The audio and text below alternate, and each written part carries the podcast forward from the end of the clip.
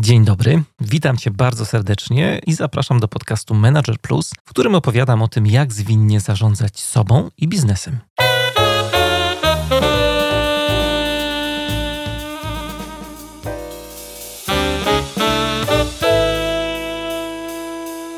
Carl Rogers, jeden z moich ulubionych psychologów humanistycznych, mówił, że ludzie potrafią znaleźć sposób, żeby się zmieniać i żeby się rozwijać.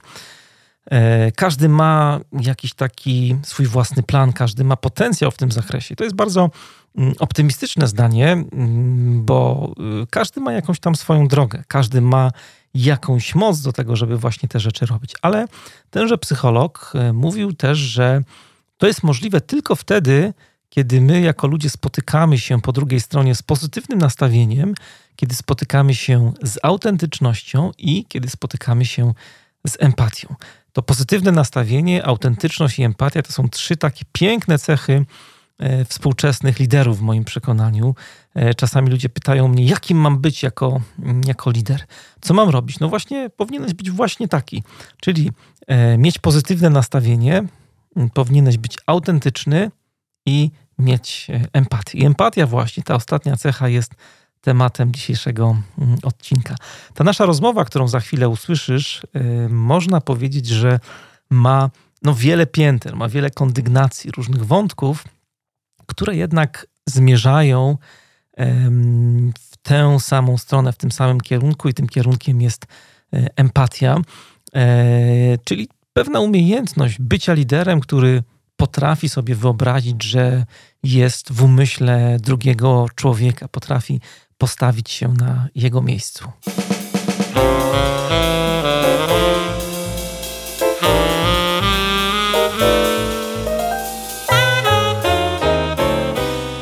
To jest podcast Manager Plus. Dzisiaj będziemy rozmawiali na temat empatii. To jest temat, który o dziwo chyba po raz pierwszy w takim e, głębszym, dłuższym sensie pojawia się e, w naszym podcaście i z tej okazji do programu zaprosiłem Jacka Jakubowskiego, który jest współzałożycielem grupy TROP, jest trenerem, e, coachem. Jacku, witam cię bardzo serdecznie. Dzień dobry, dzień dobry Państwu także. Powiedz e, parę słów na początek. E, co ty takiego robisz na co dzień? Czym się zajmujesz? Hmm, ja jestem e, trenerem, coachem, ale już bardziej superwizorem, czyli bardziej szkole trenerów i mm -hmm, coachów, mm -hmm. albo wspieram e, ich rozwój.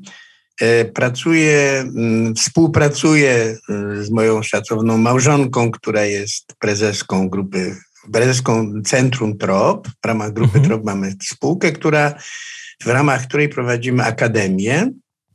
I tam jest szkoła trenerów, coachów i prowadzimy programy dla różnych e, firm, w, w których wprost wprowadzamy empatię, bo jesteśmy proszeni o to o, to, o ten obszar, mhm. E, albo pracujemy z liderami nad komunikacją, nad kulturą organizacyjną, nad rozwiązywaniem konfliktów, gdzie empatia jest stałym elementem i przenika to wszystko, no a mówi się o niej więcej lub mniej w zależności od klienta. Ja osobiście prowadzę fundację ponadto, w ramach której robię akcję Empatia, od już chyba 8 czy 10 lat. E, to tak narastało, a od 5 lat robię co roku festiwal pod nazwą Empatia w działaniu. Mhm. To jest takie spotkanie ludzi biznesu, ludzi NGO-sów, ludzi alternatywnej oświaty, ludzi różnych ruchów, mm, aktywistów, artystów, wszystkich, którzy uważają i już wiedzą, że empatia jest czymś niezwykle istotnym e, i że jeżeli chcemy być skuteczni, e, żyć szczęśliwie, robić coś efektywnie, no to trzeba się nią zająć. Mhm. Wy jesteście y, tak kojarzeni w różnych takich społecznościach, jak się mówi o grupie TROP, że to jest taka grupa, która e, bardzo mocno pracuje procesowo. Mógłbyś powiedzieć parę słów o co chodzi? No, y, za młodych lat mnie tknął, y, tknęła psychologia humanistyczna, mhm. E, która się potem przekształciła, sprofesjonalizowała głęboko. E, I to można powiedzieć wyszło od takich terapeutycznych działań, ale e, potem się skumulowało na przykład w treningu interpersonalnym. Pojęcie procesu mnie fascynuje od dawna, ponieważ jest nieźle opisane, a dla mnie dalej jest tajemnicą. Nie mam zielonego pojęcia, dlaczego tak jest. Oczywiście są tego różne naukowe uzasadnienia. Może to jest synchronizacja mózgów, może to jest jakiś taki fenomen. Na pewno jest to fenomen e, w tak zwanej małej grupy społecznej. Czyli mała grupa społeczna e, przechodzi, jeżeli dłuższy czas pracuje ze sobą, może to być zespół, ale może to być e, grupa szkoleniowa przechodzi taki etap, w którym ludzie zaczynają czuć my. E, I jeżeli to jest dobrze prowadzone, to to jest fascynujące międzyludzkie spotkanie. E, proces grupowy zachodzi także niekontrolowany w różnych miejscach i może doprowadzić do toksyczności, do konfliktów, do czegoś, co no, jakby takiego, takiej uruchamiania różnych problemów ludzkich.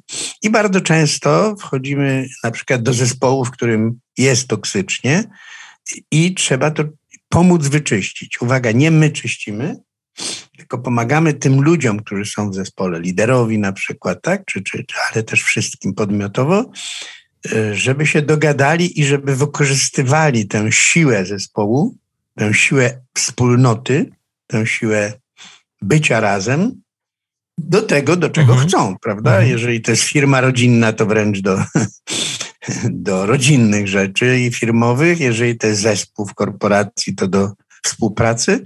A jeżeli to jest zespół, mm, który działa, robi jakieś dobre rzeczy dla świata w ramach NGO-sów, no to żeby to była wspólnota, mhm. Y, taka głęboka wspólnota, w której zachodzi dobra komunikacja i y, w której zachodzi wzajemne słuchanie się i uważność. Czy jak dobrze Ciebie rozumiem, to to nie jest tak, że przychodzisz do zespołu z jakąś swoją agendą, którą naklejasz na ten zespół, z jakąś strukturą, tylko bardziej jakby słuchacie potrzeb tak, tego zespołu i jakby podążacie za nim, za tymi potrzebami, które z niego y, wynikają z tej pracy takiej właśnie. Tutaj grupowej. anegdotycznie nawet powiem, że y, w szkole trenerów y, oczywiście mm, osoby, które zaczynają być trenerami, no bardzo chcą mieć jakieś poczucie stabilności i, i my im pomagamy ułożyć scenariusz. Tak. Mówimy, zawsze mówimy przy tym, że scenariusz jest po to, żeby trener miał od czego odejść. Czyli chodzi o coś takiego, że dla nas, my, my, pracujemy metodą sytuacji edukacyjnej. Właśnie ta książka to jest tytuł Sytuacja edukacyjna. Ja tam spisałem te moje doświadczenia, przeżycia różne. E, I jej definicja jest najprostsza na świecie, a jednocześnie w rzeczywistości bardzo trudna często do zrealizowania. Mianowicie chodzi o to, żeby stworzyć ludziom sytuację, w której się uczą, a nie są uczeni. Tradycyjna edukacja polega na tym, że ktoś, kto to może jest nawet mądry, wie różne rzeczy, przekazuje to innym. No i y, nieodparcie kojarzy to się potem, jak to już jest taki proces zaawansowany, no to z egzaminem, odpytaniem, czy dobrze zapamiętałeś to, co ja tutaj wyłożyłem. Mhm. Y, jest to takie przekonanie, że człowiek się uczy wtedy, kiedy zapamięta. I to już no, po prostu nie wytrzymało próby czasu. Od, od, od zawsze to robimy inaczej, a teraz Sukus przyszły nam badania mózgu, e, który mówi, już to nie jest ideologia, tylko to jest wiedza naukowa. Neurofizjologowie mówią, że mamy nieprawdopodobnie złożony układ mózgowy pod tytułem miliardy neuronów, tak? 86 mhm. miliardów neuronów, które się łączą, tworzą struktury, pracują. Y, innym językiem mówiąc, to jest niezwykle złożony układ, tak zwany układ złożony, w którym to, co się dzieje, nie ma, nie ma lepszej nazwy na to niż to, że nasz mózg doświadcza rzeczywistości. I my tę rzeczywistość, czy chcemy, czy nie chcemy, doświadczamy i na tej podstawie się uczymy. Uczenie się przez doświadczenie nie jest ideologią, a tutaj mamy uczenie, albo nie jest jedną z metod, tu się uczymy przez doświadczenie, a teraz się uczymy twardych rzeczy. Nie ma twardych rzeczy. Jak się uczysz matematyki albo programowania, to doświadcza rzeczywistości. Musisz musisz się chcieć nauczyć, próbujesz to zrozumieć, masz różne rodzaje myślenia, które angażujesz, masz emocje, uczucia, stany, wspomnienia i to powoduje, że po pewnym czasie, na przykład eksperymentując, pisząc i tak dalej, umiesz yy, programować, albo lepiej trochę umiesz programować i tak dalej. Mhm. W naszej dziedzinie, czyli kompetencji społecznych, no to to uczenie przez doświadczenie jest w ogóle bazowe, co nie oznacza, że nie warto od czasu do czasu czegoś wysłuchać, tak? zrozumieć jakąś teorię, jakiś sposób mówienia, ale znowuż tutaj e, można to robić w taki sposób, że się podaje kejsik, podaje się jakieś doświadczenie, potem się podaje logiczny wywód, potem się jakiś obraz podaje, prawda? Potem się podaje pewną metaforę. E, I jeżeli to jest dobrze skomponowane jak utwór muzyczny, to człowiek ma takie, aha, coś zrozumiałem, tak? Coś prześledziłem. I e, najważniejszy jest dialog, czy ta osoba może potem zapytać, może zestawić to ze swoimi dotychczasowymi doświadczeniami. A trener jest osobą, która przygląda się, czy pomaga tej osobie po pierwsze nauczyć się rzeczy nowych, a także czegoś ciekawego ostatnio, mianowicie oduczyć rzeczy, które już, już są w niej zakodowane. Pół mojego życia to jest uczenie się nowych rzeczy, a żeby się ich nauczyć, trzeba, musiałem się paru rzeczy oduczyć. W inny sposób myśleć. Nawet już tych, które w pewnym momencie odkryłem i wydawało mi się, że są po prostu już, no, że już je wiem. A potem się nagle okazywało, że jest trochę inaczej. No to jest też kwestia jakiejś tam dojrzałości, nie? Bo można się zamknąć jakby w swoim myśleniu, e, otoczyć jakąś, okopać jakąś zbroją e, i wtedy się w ogóle nie rozwijamy. Bardzo ciekawe rzeczy tutaj opowiadasz i, i, e, myślę, że też taka obiecująca rzecz też związana z mózgiem, od którego zaczęliśmy, jest taka, że to są też jakieś niedawne odkrycia, nie? że jesteśmy takimi mm, stworzeniami, które mają neuroplastyczne mózgi. W zasadzie możemy się uczyć całe życie. To nie jest tak, że E, że na jakimś etapie to, to doświadczanie świata rzeczywistości się zatrzymuje i to jest też bardzo obiecujące. Natomiast przyszła mi do głowy taka, taka myśl, takie pytanie, czy, czy, czy, czy, czy zespół musi być jakoś gotowy w ogóle na taki proces, nie? Bo mówiłeś, że na jakimś pewnym etapie zespół doświadcza my, nie? Czyli doświadczamy jakiejś wspólnoty, jakiegoś takiego poczucia więzi, jest jakaś tożsamość pewnie grupy, czy, czy w zasadzie to nie ma znaczenia może, czy jakby taki świeży zespół też może e, w ten sposób pracować. Jak to jest? E, zespoły, e, znaczy tak, czasami pracujemy z zespołem, który dopiero powstaje.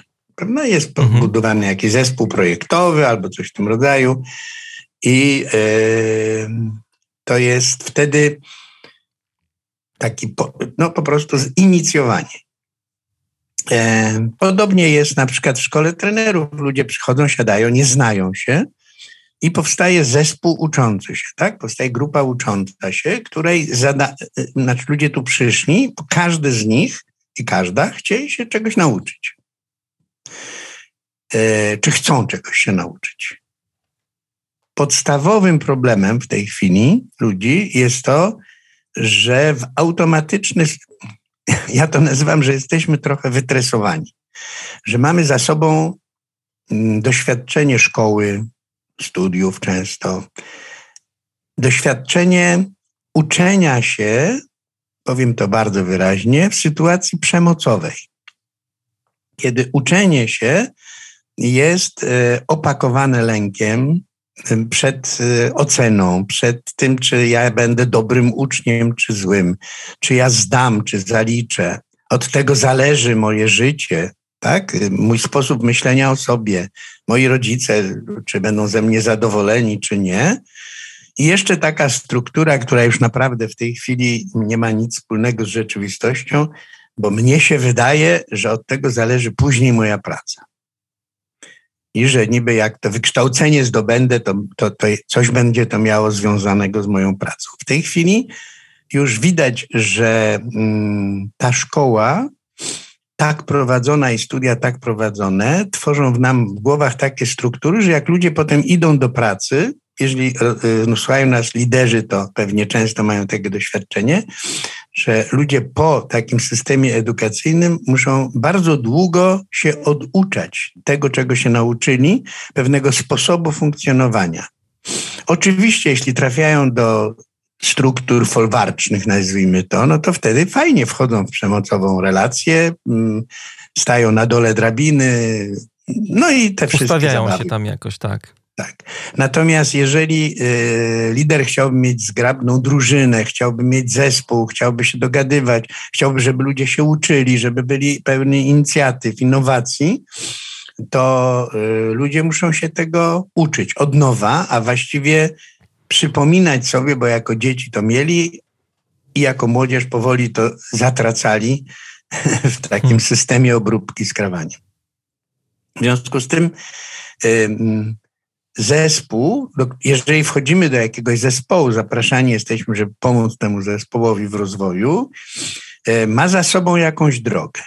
I czasami, znaczy to jest taki, zwykle zespół to jest taki melanż rzeczy prorozwojowych i toksycznych. Yy, to jest także związane z tym, że liderzy, jeżeli nie przeszli pewnej drogi czy samodzielnie, czy w oparciu o jakieś kursy, czy książki mądre, czy coś takiej drogi rozwojowej, e, to mają w głowie i to niestety bardzo wielu ma taki stereotyp, podstawowy stereotyp. Jeśli jestem liderem, to muszę być na górze. Muszę dominować, muszę rządzić, muszę rozdawać karty. Są takie osoby, które y, już tego nie chcą, ale mają masę nawyków i są niewyraźne. Dlatego też tacy liderzy, którzy są bardziej miękcy, towarzyscy, bardziej stawiają na współpracę, e, no często mają kłopot, bo mają zachowania stare i nowe. Tu od czasu do czasu warkną, hmm. powiedzą, kto tu rządzi, prawda? Ale z drugiej strony, no nie, powiedz mi, co myślisz i jednak jestem bardzo ciekaw ciebie i doceniam i tak dalej. W związku z tym e, ludzie się w tym gubią. Natomiast liderzy, którzy przeszli pewien Rubikon mm, i potrafią naprawdę być e, zakorzenieni w sobie, mają własny styl, są dojrzali, właśnie dojrzali empatycznie, e, potrafią ludziom, znaczy właściwie muszą mieć takie kompetencje quasi-terapeutyczne. Hmm, dzisiaj tak, tak bo muszą tym ludziom, którzy przychodzą do zespołu, towarzyszyć w takiej drodze rozwoju.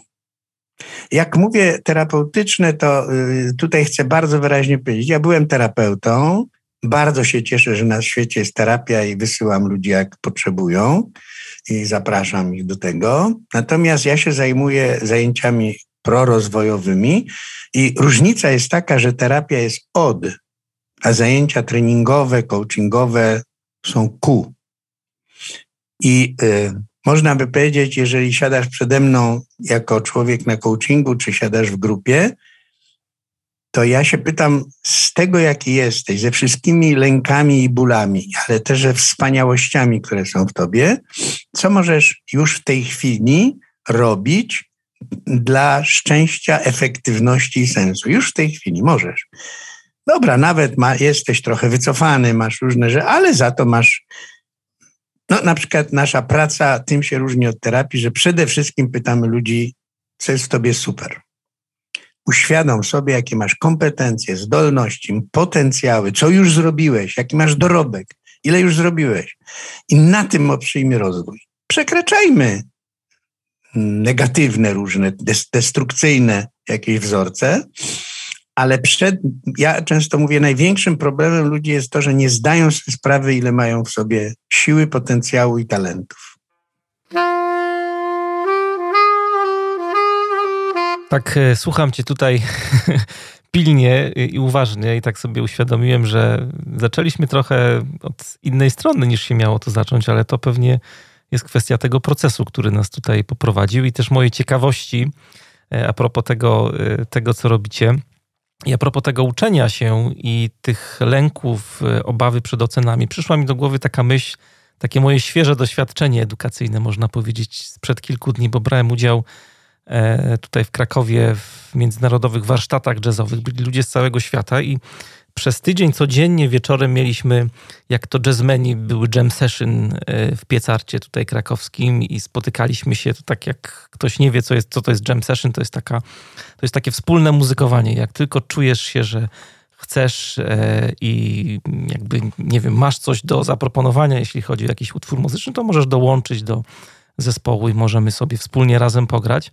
E, do czego zmierzam właśnie a propos edukacji, bo dla mnie było to niepojęte, że było nas ponad 80 osób na tych warsztatach, e, ale jak przychodziło do dżemowania wieczornego, to tak naprawdę kilka osób odważyło się, miało taką odwagę w sobie, żeby wyjść na środek i i właśnie coś zagrać. I ja tak, y, tak też z ciekawości podpytywałem ich, y, dlaczego tak jest. Przecież świetnie grasz, a, a słuchałem ich wiele razy na różnych takich sesjach instrumentalnych, e, gdzieś tam w podgrupach i w, w zespołach combo. E, świetni muzycy, a mieli ten taki opór i wielu z nich właśnie mówiło to, że ja nie, jeszcze, nie jestem jeszcze gotowy. Nie? Boję się, że też padały takie słowa, że będę oceniany przez innych, że właśnie ktoś będzie oceniał tak negatywnie to, e, to jak gram. E, to to jest właśnie to, o czym trochę tutaj mówiłeś a propos uczenia. To taka dygresja związana właśnie z tą, z tą edukacją. To pięknie, to zupełnie nie dygresja, tylko sam rdzeń tego, o czym rozmawiamy. Bo powiem, powiem paradoksalnie i trochę przewrotnie. Oni rzeczywiście nie powinni wychodzić na środek, bo to nie chodzi o to, jak oni grają, tylko jak się czują. I ten ich lęk i niepokój by na tyle destabilizował ich umiejętności, że mogliby y, zacząć grać źle, fałszować, tak? albo robić to w sposób drętwy, bez ducha, tak? bez oddania się muzyce. Tutaj to wspólne to jest coś takiego, jak taką, para, taką zróbmy taką pętelkę, y, jeśli chodzi o proces, to ja na przykład uwielbiam muzykę, w ogóle y, cenię niezwykle każdy rodzaj sztuki i uważam, że to jest jakieś przedproże procesu, albo w każdym razie tam też zachodzi taki proces, że to, że on, że to jest jakiś rodzaj spotkania się w y, dźwięku, w rytmie albo w jakimś y, cudnym rozmazaniu, hmm. prawda, w takim mm, w czymś i powiem, że zdarzało mi się robić dla chętnych liderów wspólne muzykowanie, albo, ale nie, no oni nie potrafią grać, prawda? Więc to było na przykład wydawanie dźwięków, to było robienie prostej melodii, to było śpiewanie prostej piosenki. To jest nieprawdopodobnie łączące. Ja zresztą też w swoim czasie y, bardzo mocno się inspirowałem i, i zanurzony byłem w teatrze i na przykład Grotowski dla mnie jest jakimś takim mistrzem, który mhm. wywarł jego podejście, jego sposób pracy, jego osobowość wywarła na mnie za młodu taki ważny, ważny mm, odcisk, ważny kierunek. E, I takie zajęcia parateatralne są często wplatane w treningi. Tak.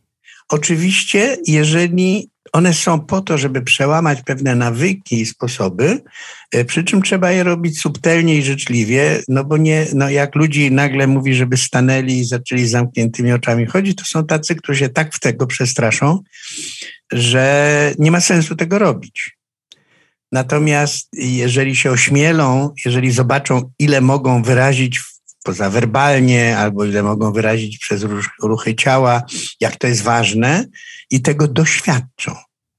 Ale na przykład mamy takie koło y, uczenia się, że doświadczenie jest po to, żeby potem zrobić na przykład małą stopklatkę i przez chwilę je tak potrawić, potem je przeanalizować wspólnie, Pan przeanalizować na przykład, co czułeś, kiedy to się działo, co się działo w tobie, co się we mnie działo, dialog empatyczny, rozmowa.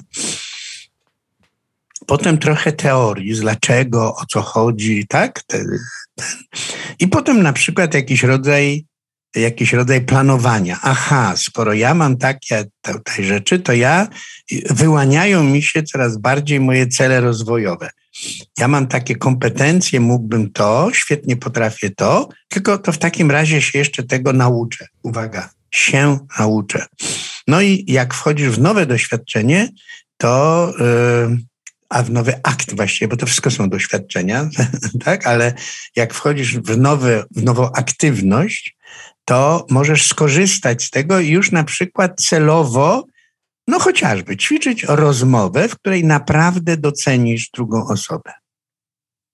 Bo przedtem coś tam robiłeś, ta osoba się czuła niepewnie, widać było, że ten twój, nawet ta twoja intencja docenienia mhm. Y, nie trafia.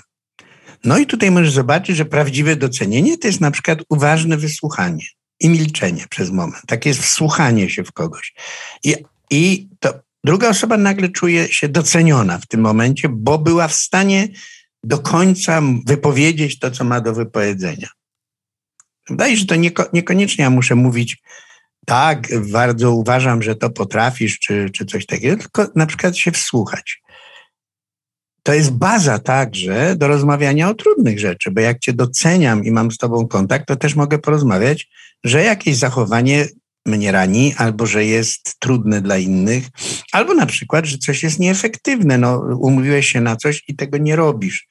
E, w związku z tym, jak ci pomóc, żebyś to robił. Mhm. A jak w tym wszystkim e, pomaga nam, e, czy wspiera nas empatia?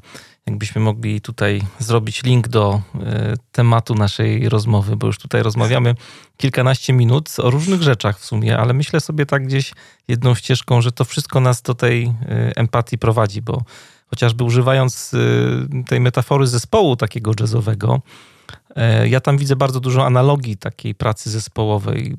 Chociażby na jam session było widać to, że jak ktoś wychodzi i gra za długo, nie? 15 minut ktoś gra solówkę albo ktoś nie potrafi słuchać. Słuchanie jest ważne, w ogóle rozmowa, taka podążanie trochę za innymi, czy wspieranie, jak ty grasz solówkę drugiej części zespołu, no to y, jakby słabo wychodzi, tak y, patrząc też na moje doświadczenia, bez, y, bez empatii. Myślę, że jest takie fajne przełożenie też na, na pracę zespołu, że ta empatia jest nam potrzebna. To, to, bardzo się cieszę, powiem tak najpierw trzeba sobie poradzić ze stereotypem, że jedni mają empatię, a drudzy nie. Mhm. Nasz mózg jest, y, znaczy neurofizjologowie mówią, że w ogóle pół naszego mózgu to jest y, empatia.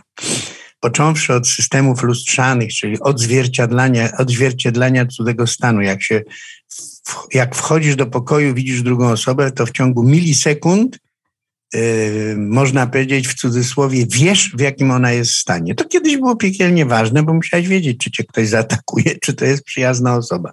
Czyli ewolucja to... też nam tutaj jakby sprzyjała w rozwoju empatii, tak? Tak, tak. My, my dzięki empatii staliśmy się ludźmi. My dzięki empatii potrafiliśmy tworzyć grupy, potem społeczności, yy, i dzięki empatii się rozwijaliśmy, bo się uczyliśmy od siebie nawzajem. Mhm. Bo jeśli ty coś zrobiłeś, to ja mogłem to naśladować, mogłem to zrozumieć.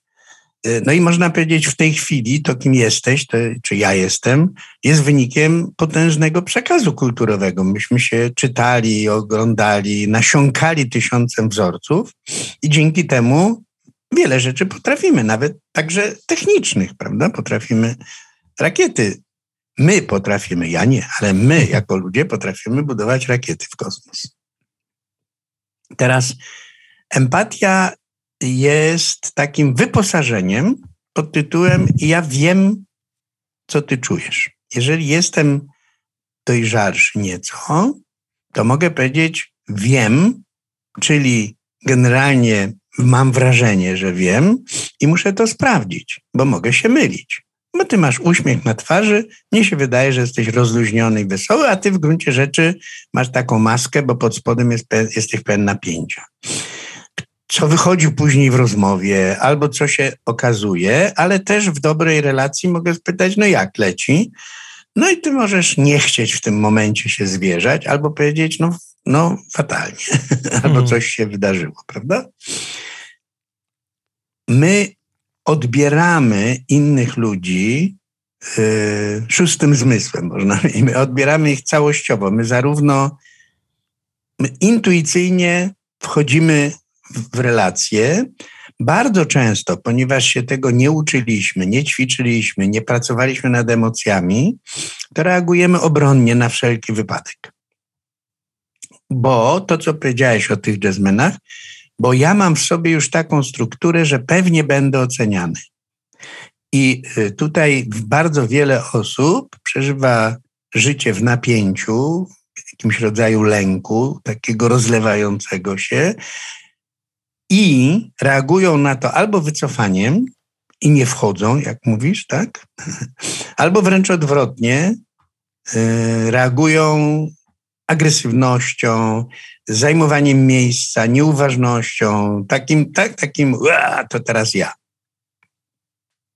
To jest szczególny problem dla liderów, bo liderzy bardzo często to są osoby, które zagłuszają własne różne problemy taką postawą dominacyjną i budują poczucie własnej wartości, że są wyżej.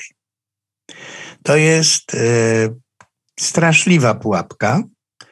E, ja pracując z liderami często patrzę, że oni po prostu są ludźmi, którzy no po prostu ja jestem pełen uznania dla ich osiągów, możliwości, tego, co zrobili, hmm. a jednocześnie widzę, jak oni się trochę otwierają, że mają kłopot z takim docenieniem samego siebie, z poczuciem własnej wartości. Cały czas coś zdobywają, coś osiągają, coś mówią i to samo w sobie nie ma cudownie, jak człowiek jest osadzony w sobie i, i idzie coraz coraz szersze jakieś rejony, mhm. staje się specem, mistrzem, to cudownie.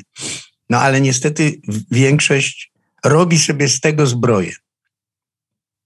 Bo poczucie własnej wartości jest czymś najgłębszym i ono jest związane ściśle z empatią jeżeli ja mam poczucie własnej, on po pierwsze nasiąkam tym poczuciem dzięki innym, na początku dzięki rodzicom, potem dzięki przyjaciołom, dzięki ludziom, ja buduję w sobie poczucie, że jestem godną osobą.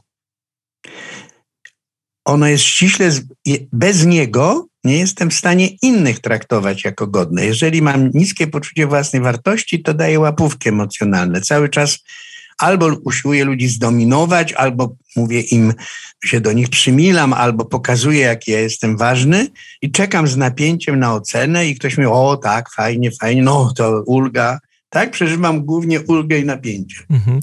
Ale y, myślę, że bardzo cenne jest to, co powiedziałeś i też myślę o tym cały czas, jak rozmawiamy, że odnoszę to do, do tej metafory zespołu i, i tego jam session, bo jakoś tak cały czas ten przykład mocno mi siedzi w głowie ale że najpierw, zanim oni wyjdą na scenę, to powinni zrobić coś z tym lękiem i z tym takim właśnie niskim poczuciem wartości. To jest jedna rzecz, ale druga rzecz, bo też mówię na własnym przykładzie, bo ja miałem dokładnie to samo, akurat nie, to, to nie było moje pierwsze jam session w życiu, ale pamiętam jedno z pierwszych, że też miałem dokładnie takie same obawy, nie? że ja jestem, nie wiem, gram za krótko na przykład, żeby się dołączyć do muzyków, zwłaszcza, że słyszałem, że tam saksofonista wymiatał już tak jak Michael Brecker prawie i to ja w ogóle nie mam co pokazać. Ale powiem ci, że rzecz, która mega też z mojej perspektywy była ważna, to to, żeby wyjść jednak mimo wszystko, mimo tych wszystkich różnych takich zakłócaczy, które miałem w głowie, tego gadającego mózgu, który mi mówił, że będziesz oceniany, że przecież nie umiesz wszystkiego i tak dalej, to żeby jednak e, mieć tą odwagę, żeby wyjść na środek i, i, i, mając też świadomość tego, że, że faktycznie możesz być oceniany, nie? Że, że, że różnie może pójść, że ten temat, który tam, nie wiem, e,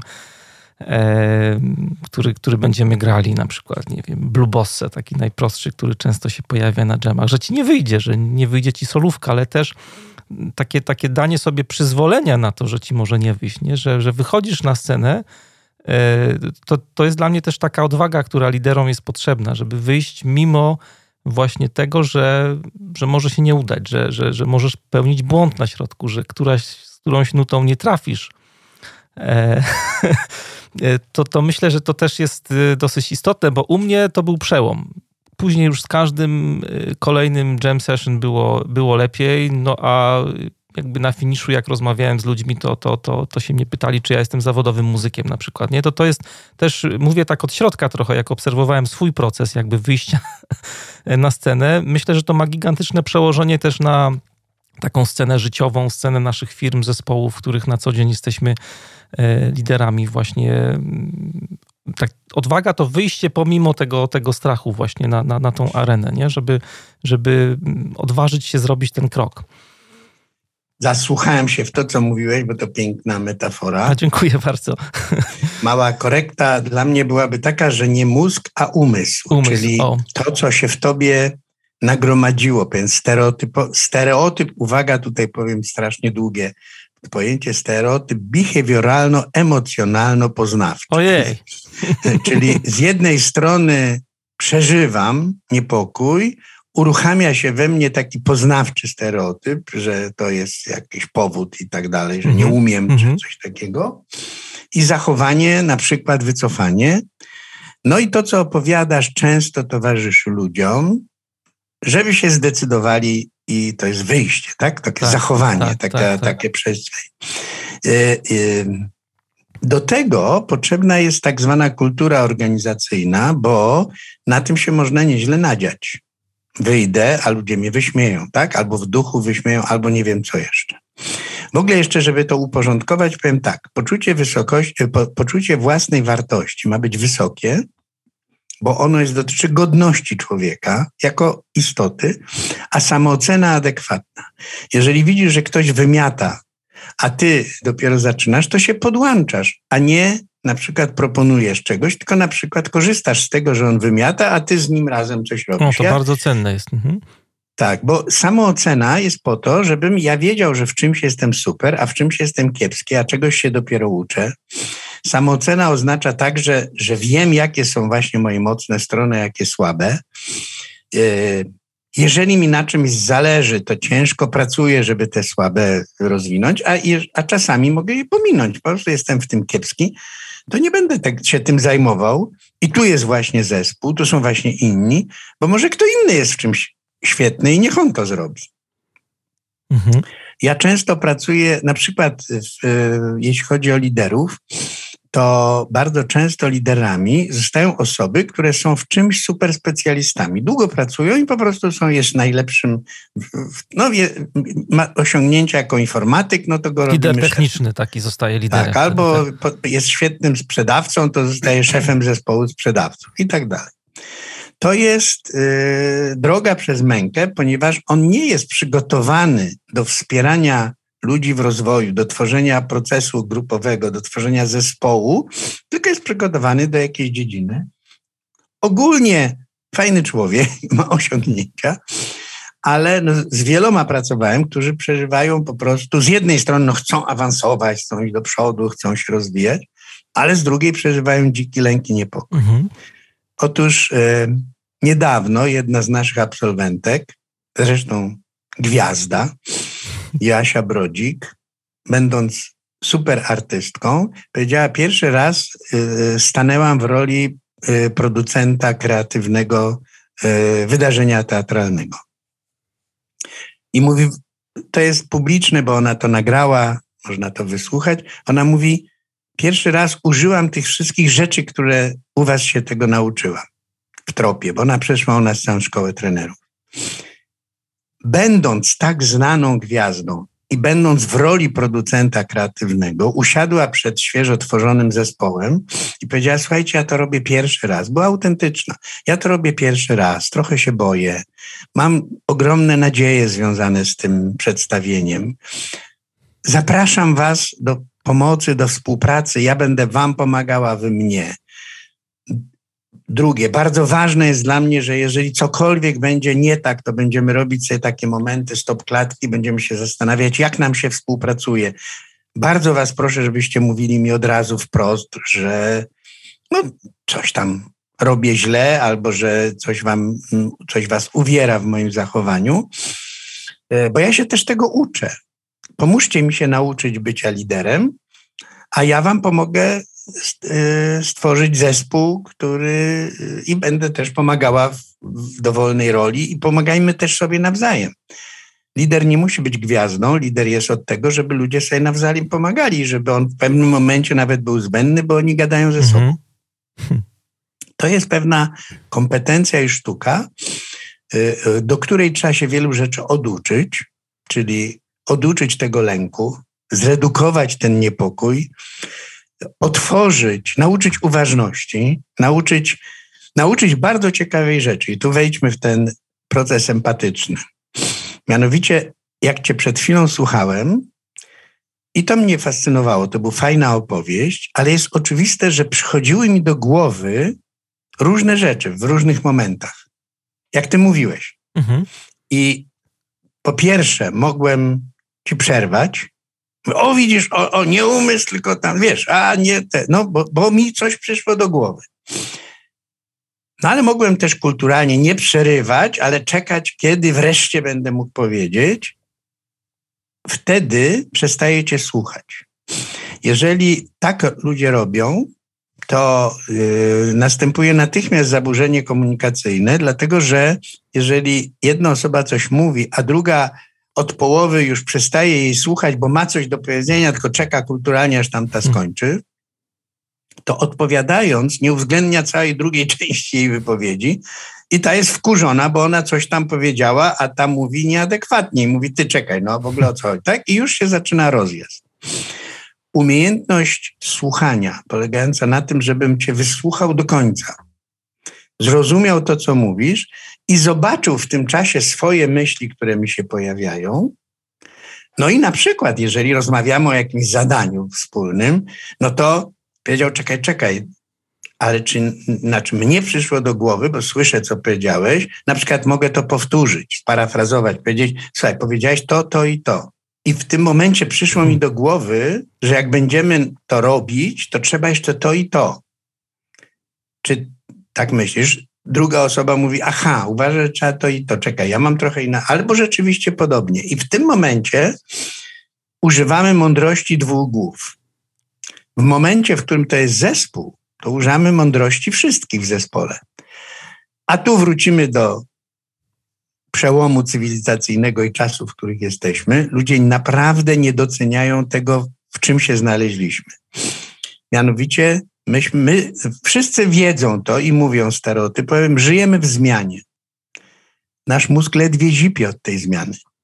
My, rzecz, którą teraz wiesz, za chwilę okaże się być nieadekwatna, bo się zmieniły czasy, albo odkrycia naukowe, albo procedury, albo nie wiem, obyczaje. Jesteśmy w tyglu kulturowym, tak? Za chwilę będą inne osoby. Umiejętność takiego uczenia się i oduczania i pomagania sobie nawzajem w uczeniu i oduczaniu się jest warunkiem innowacyjności i efektywności. To już przestały być czasy, kiedy szef wszystko wie, a reszta wykonuje. Każdy szef ma w zespole osoby, które nie dość, że więcej wiedzą, które mogą być w jakimś zakresie mądrzejsze od niego, mieć lepszą intuicję, mieć głębsze doświadczenie, bo wiele to robiły. I teraz stworzenie takiej postawy, o, super, budowanie autorytetu na tym, że ja czegoś nie wiem. Coś wiem, jestem szefem, mam jakieś doświadczenie, ale bardzo mnie ciekawi to, co ty mówisz. Jakbym ciebie miał w zespole, to bym powiedział, ty, no to jakbyśmy sobie taką metaforą pomyśleli, że tu mamy zespół jazzowy w gruncie hmm. rzeczy, muzyczny. Spróbujmy pomyśleć teraz, jakby, jak zrobić session, jam session polegające na tym, nie na solówach, to polega na tym, że ta soluwa jest też pewnym zaofiarowaniem czegoś, że jak ty robisz solówę, to po to, żebym ja coś lepiej przeżył, tak jak w jazzie, no to robisz dla ludzi, tak? Jakby to jest twój wyraz po to, żeby kogoś poruszyć, żeby stworzyć muzykę. Po co robi muzykę? Żeby ktoś to usłyszał, żeby to w niego jakby weszło. W związku z tym zespole, proszę bardzo, teraz jest czas na solówy, a teraz jest czas na przenikanie na budowanie, na podejmowanie decyzji, na wytyczanie, kierunku. E, spróbujmy to zrobić razem. Ja się śmieję, że jeżeli jestem szefem, na przykład jestem liderem zespołu, którego zabieram na, wy, na wyjazd integracyjny, jedziemy w góry i bierzemy przewodnika. To kto jest liderem? Ja? No to daj Boże. On jest liderem, on powie, jaką trasą pójść, żebyśmy się nie, nie spadli w przepaść, albo żebyśmy nie, się, nie, nie weszli w jakąś idiotyczną sytuację.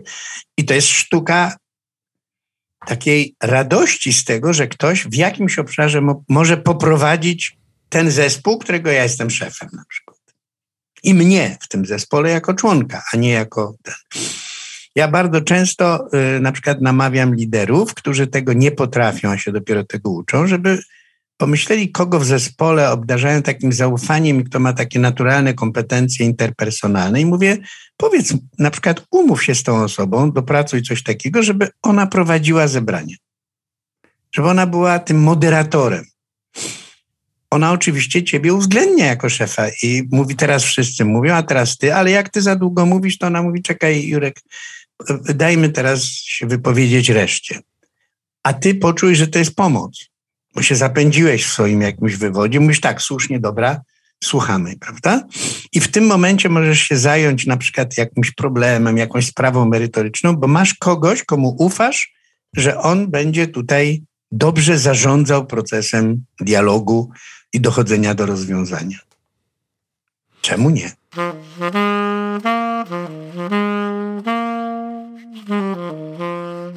Dużo pięknych rzeczy powiedziałeś tutaj. Yy tak zaczynając y, od tego przykładu Jasi Brodzik, no myślę, że to jest jakaś droga dla, dla współczesnych liderów, właśnie mm, tak, takiej transparentności przed zespołem, bo no, wielu liderów, zwłaszcza takich, tak jak powiedziałeś, to Jacek Santorski lubi to słowo folwarcznych, nie, że pracujących w folwarkach, to zakładają takie zbroje, e, które muszą pokazać, nie wiem, mają to gdzieś wdrukowane w głowach, że musimy pokazać, że, że jesteśmy tacy nieomylni, bezbłędni, jest jakieś takie imago, wyobrażenie tego szefa, który tak naprawdę wszystko wie, a dzisiaj się tak dużo rzeczy zmienia, też jakby otoczenie, rzeczywistość jest tak, tak bardzo złożona, że, że tak się nie da po prostu funkcjonować, nie da się mieć odpowiedź na wszystko, tylko tak trzeba bardziej empirycznie do tego wszystkiego podchodzić.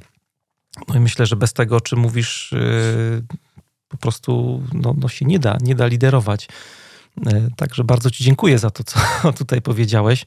Y, ja jeszcze chciałem nawiązać do y, empatii, bo mm, no, mówiliśmy o tym, że ta empatia jest takim, taką umiejętnością, zdolnością postawiania się, na czyimś, postawienia się na czyimś miejscu, ale chciałbym to zderzyć z doświadczeniami. Już powiem Ci, z czym tutaj przychodzę, jeśli chodzi o te doświadczenia, bo Mówi się, że ta empatia jest takim odnoszeniem się jakby do emocji, ale te emocje jakby nie było towarzyszą naszym doświadczeniom. E, ale chyba nie jest tak, i tutaj popraw mnie, jeżeli się mylę, że empatia polega na jakby odnoszeniu się do konkretnych doświadczeń, bo przychodzi mi tutaj na myśl taka e, rozmowa z jedną z liderek, którą miałem i ona tutaj zwierzała mi się z takiej trudnej bardzo sytuacji dla niej. Sytuacji, która polegała na tym, że w jej zespole była osoba chora na nowotwór. No finalnie ta, ta osoba zmarła, odeszła E, ale no właśnie ta liderka mówiła, że dla niej no bardzo trudne było bycie empatycznym i jak uzasadniała mi, dlaczego to było trudne, e, to mówiła, że no ona przecież nie miała nowotworu nigdy. Ona nie ma w ogóle takich doświadczeń. Jest się trudno postawić na miejscu właśnie tej osoby, tego członka zespołu, która no była nieuleczalnie chora, ale cały czas tą empatię odnosiła właśnie do doświadczeń, a nie E, do emocji i mm, powinno być chyba raczej tak, że ta empatia to są właśnie emocje, to wczuwanie się w tą niepewność, ten lęk, e, który jest po drugiej stronie, a nie jakby wciąganie tych doświadczeń, których no, siłą rzeczy nie mamy, no bo na przykład nie byliśmy chorzy terminalnie nigdy. Teraz fajnie rozpocząłeś taką, moim zdaniem, kawałek rozmowy, gdzie będziemy mówić o różnych etapach dojrzałości empatycznej, formach mhm. dojrzałości. Bo prosta empatia może także posłużyć do tego, żebym cię zmanipulował albo uwiódł, albo tak, jakby zrobił różne rzeczy, wyczuwając cię, doprowadził, tak, bo cię dobrze wyczuwam, jak się czujesz, coś tego i pach. No wyobrażam sobie, ci... że marketingowcy mogą tak działać na przykład. Tak, tak. Nie? Płytko i prymitywnie. Mhm. I skutecznie na krótką metę. E, to, co opowiedziałeś o tej kobiecie, jest bardzo poruszające i bym powiedział tak, to już jest bardzo dużo, że ona się nad tym zastanawia. To znaczy, że już jest na, w jakimś etapie rozwoju empatycznego, kiedy ona w ogóle zadaje sobie takie pytanie, tak? Kiedy się nad tym zastanawia, jak ona ma to zrobić. Dorzucę pewien termin. Y, tak się mówi, chociaż niby emocje i myśli w tej chwili to podobno są dwie strony tego samego w mózgu i tak dalej, ale mówi się o takiej empatii emocjonalnej, kiedy ja wyczuwam Twoje stany, tak, uczuciowe, i mówi się o decentracji, czyli że ja wchodzę w Twoje buty i próbuję zrozumieć, jak Ty postrzegasz świat, jak go rozumiesz, jak go widzisz. To jest fascynujące i tu można powiedzieć, jest takie kontinuum. Po jednej stronie jesteś osobą, która robi coś podobnego. Na przykład, moim zdaniem, ty jesteś dużo bardziej niż ja zaawansowany w muzyce, bo grasz, bo ja tam se coś kiedyś tam pograłem, ale muzyka jest dla mnie czymś ważnym, w związku z tym to jest coś podobnego. I ja na tym mogę budować kontakt z tobą.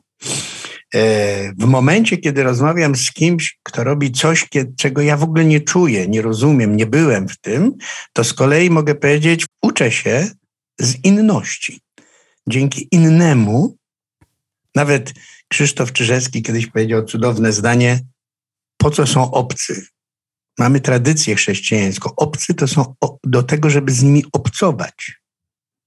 Bo jak mam obcego, to mogę go odrzucić, a mogę się zafascynować, bo on jest mi obcy, czyli ja mogę zobaczyć w kontakcie z nim siebie zobaczyć, zrozumieć, zrozumieć, a też jego, zrozumieć, jak on myśli, w jaki sposób działa, jakie ma nawyki. Ile ja się z tego mogę nauczyć? Dzięki różnorodności możemy się niezwykle dużo nauczyć. I teraz ta empatia właśnie, dojrzałość polega na pracy na, na, w gruncie rzeczy nad samoświadomością i nad świadomością otaczającego mnie świata, którego podstawowym elementem są inni ludzie. Choć jak byłby tutaj mój przyjaciel Jacek Bożek, to powiedział, dobra, dobra, empatia dotyczy Matki Ziemi, dotyczy wszystkich zwierząt. No to można już widzieć, tak, rozmaite rzeczy, ale taka empatia w obliczu kryzysu klimatycznego też by się nam nieźle przydała, bo inaczej no się zabijemy.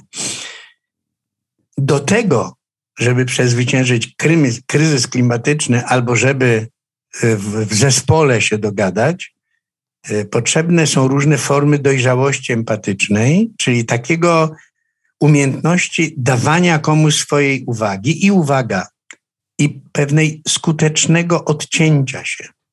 To jest bardzo ciekawe. W jednej z definicji empatii jest powiedzenie: Ja przeżywam Twoje uczucia tak, jakby to były moje, i to tak, jakby jest najważniejsze, żebym Ci mógł pomóc. Czyli ja nie, nie, daję, nie daję się zalać tym uczuciem.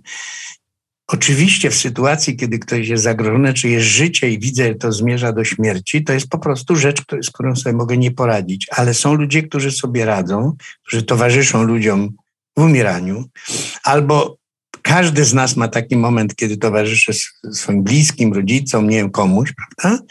I umiejętność wtedy bycia z tymi ludźmi, dawania im po prostu czystej obecności i uwagi, a także brania pomocy. Ja w tym momencie, ta pani, ta, ta liderka, powinna mieć przyjaciółkę, coacha, współpracownika, znajomego, z którym może zrobić sobie taką stopklatkę, usiąść przy kawce albo na sesji i móc odreagować swój żal, swoje napięcie, swój smutek związany z tą osobą. Po to, żeby towarzysząc tej osobie, dawała jej te uczucia w takim stopniu, w jakim są jej potrzebne, bo jeżeli osoba, osoby terminalnie chorujące, ale też niekoniecznie, no, po prostu osoby w trudnej sytuacji, bardzo potrzebują wiedzieć, że ktoś to też przeżywa i że jest z nimi, jest obecny. Ale ta obecność nie może być za intensywna. Prawda? Ja znam takie osoby, które którym nie warto powiedzieć o tym, że masz jakiś kłopot, bo się tak przejmują, że ty za chwilę im pomagasz. No, e, właśnie ja chciałem... Wspieram, tylko dorzucę, mhm. wspieram e, Fundację dla Dzieci e, Zagrożonych, znaczy nie zagrożonych, tylko dzieci z chorobą nowotworową. Tam są niesamowite rzeczy, kiedy jedenastolatek mówi, mówi weźcie, pomóżcie mojej mamie, bo ona się nie wyrabia a on jest chory na raka. On jeszcze może się nie, ale on czuje, że coś jest niedobrze, czuje jakąś bardzo głęboką, głębokie zagrożenie, no ale się musi zajmować mamą, bo ta mama po prostu no, jest w takim stanie, że, że ten. I tam się też pracuje z tą mamą, że ma prawo to robić, ale teraz będzie sobie przez całe życie, nie daj Boże, pluć w brodę, jeśli to dziecko umrze, że ona nie poświęcała jemu uwagi, tylko sobie. A drugie, że od stanu psychofizycznego tego dziecka często zależy, czy on sobie poradzi z tym rakiem, bo, bo te dzieci wychodzą z tego raka. I tutaj ta sfera psychologiczna, psychiczna, duchowa jest nieprawdopodobnie ważna. No i też w związku z, a skąd on ma mieć dopływ? No jak jest małym dzieckiem, to od, od rodziców. Oni muszą w tym momencie ten cały swój niepokój, tą miłość, to wszystko zlaserować w uważność i w towarzyszenie temu komuś. To jest wyzwanie duchowe nieprawdopodobne. I rodzice dzieci, które wyzdrowiały, mówią, że to był jakiś yy, najgłębszy moment w życiu pozwalający im się rozwinąć. Dotknąłeś takiego tematu, o który chciałem zaczepić, właśnie granic empatii. Czy, czy są takie granice, ale już e, odpowiedziałeś, że trzeba na bycie empatycznym, no jakby nie było, uważać. To, to myślę, że wymaga jakiejś takiej też e, życzliwości wobec samego siebie, żeby w tym wszystkim zadbać o siebie, nie? No bo można z tą empatią przegiąć, mówiąc tak wprost. E, można się tak poświęcać dla kogoś w zespole i być tym ratownikiem, no a jednocześnie po prostu zapominać o sobie i też może się to skończyć tak, że my tych jakby emocji, tego wszystkiego, z czym się to wiąże, nie, nie udźwigniemy z tym, czym się, z czym się mierzymy nie? na co dzień. Właśnie do, do, do wszelkiego rodzaju kryzysu, bo teraz mamy kryzys za kryzysem, prawda? E, trzeba się przygotować. Wiele mówimy o rezyliencji, czyli odporności psychicznej. E, mamy taki sposób europejsko-amerykański mówienia, w którym e, nawet jak tu rozmawiamy, mówimy o mnie, o człowieku, który się przygotowuje i na przykład rezyliencja, czyli odporność psychiczna, to jest twoja albo moja. Dzięki empatii jeżeli ja mam Ciebie, czyli mam jakąś relację z Tobą, mogę się do Ciebie zwrócić, mogę z Tobą pobyć, ja mam większą odporność i Ty masz większą odporność. Bo samotnie może byśmy też dali radę, ale trudniej. Albo nie. Natomiast mając innych, jesteśmy w stanie, i to są już badania, które mówią, że osoby mające dobre osobowe relacje, uważaj, dłużej żyją. Są takie badania, po prostu badano x, y, tam 3000 kobiet z rakiem piersi, krótka piłka, osoby mające więcej relacji, głębsze relacje, ciekawsze i tak dalej, dłużej żyją.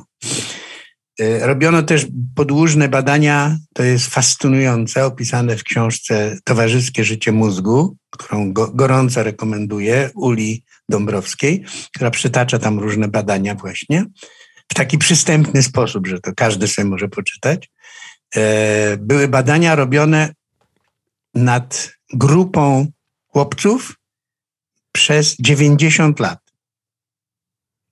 I kolejne ekipy badawcze się zmieniały. Ich e, zadaniem było coś takiego, żeby co takiego powoduje spełnione, szczęśliwe życie.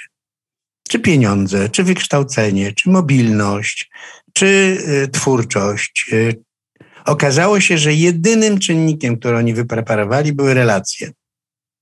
Czy jesteś otoczony miłością, albo życzliwością, albo byciem z innymi. Tak, jakby to nie chodzi tutaj o wielkie słowa, choć też. Hmm. Empatia jest bazą miłości, choć miłość jest czymś więcej, ale też życzliwością, umiejętnością taką taką miłością przez małe M, tak? Takiej, takiej wchodzenia w kontakt z innymi osobami, angażowania się w pomoc.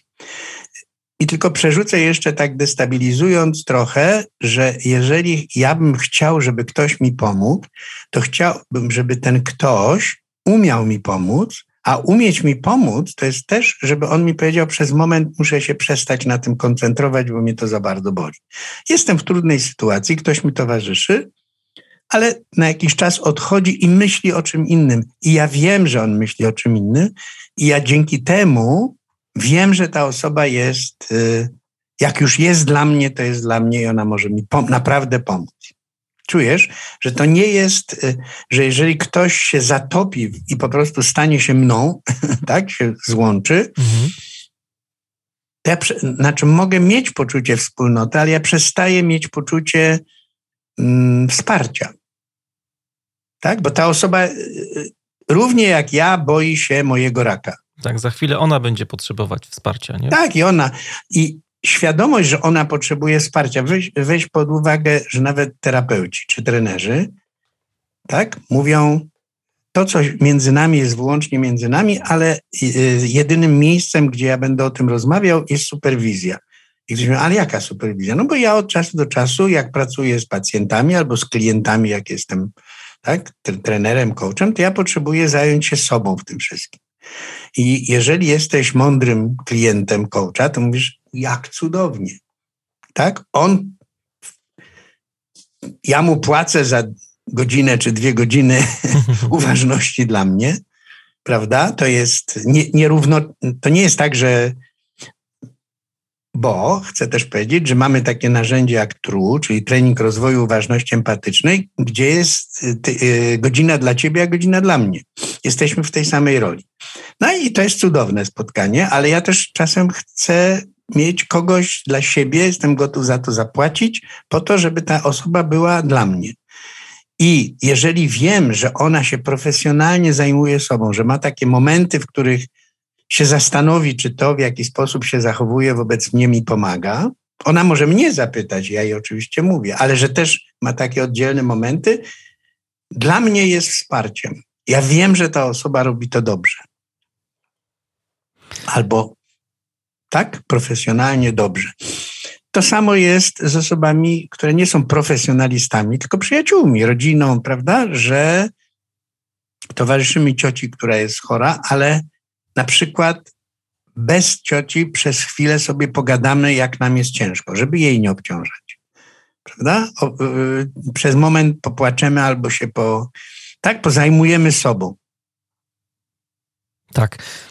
Ja tutaj jeszcze chciałem nawiązać do tego, co powiedziałeś o tym takim zagrożeniu, od tego, żeśmy wyszli akurat w tym wątku, od tego zagrożenia, że no możesz się tak bardzo jakby zlać emocjonalnie z drugą osobą, że przestaniesz ją wspierać. To, to bardzo cenne jest.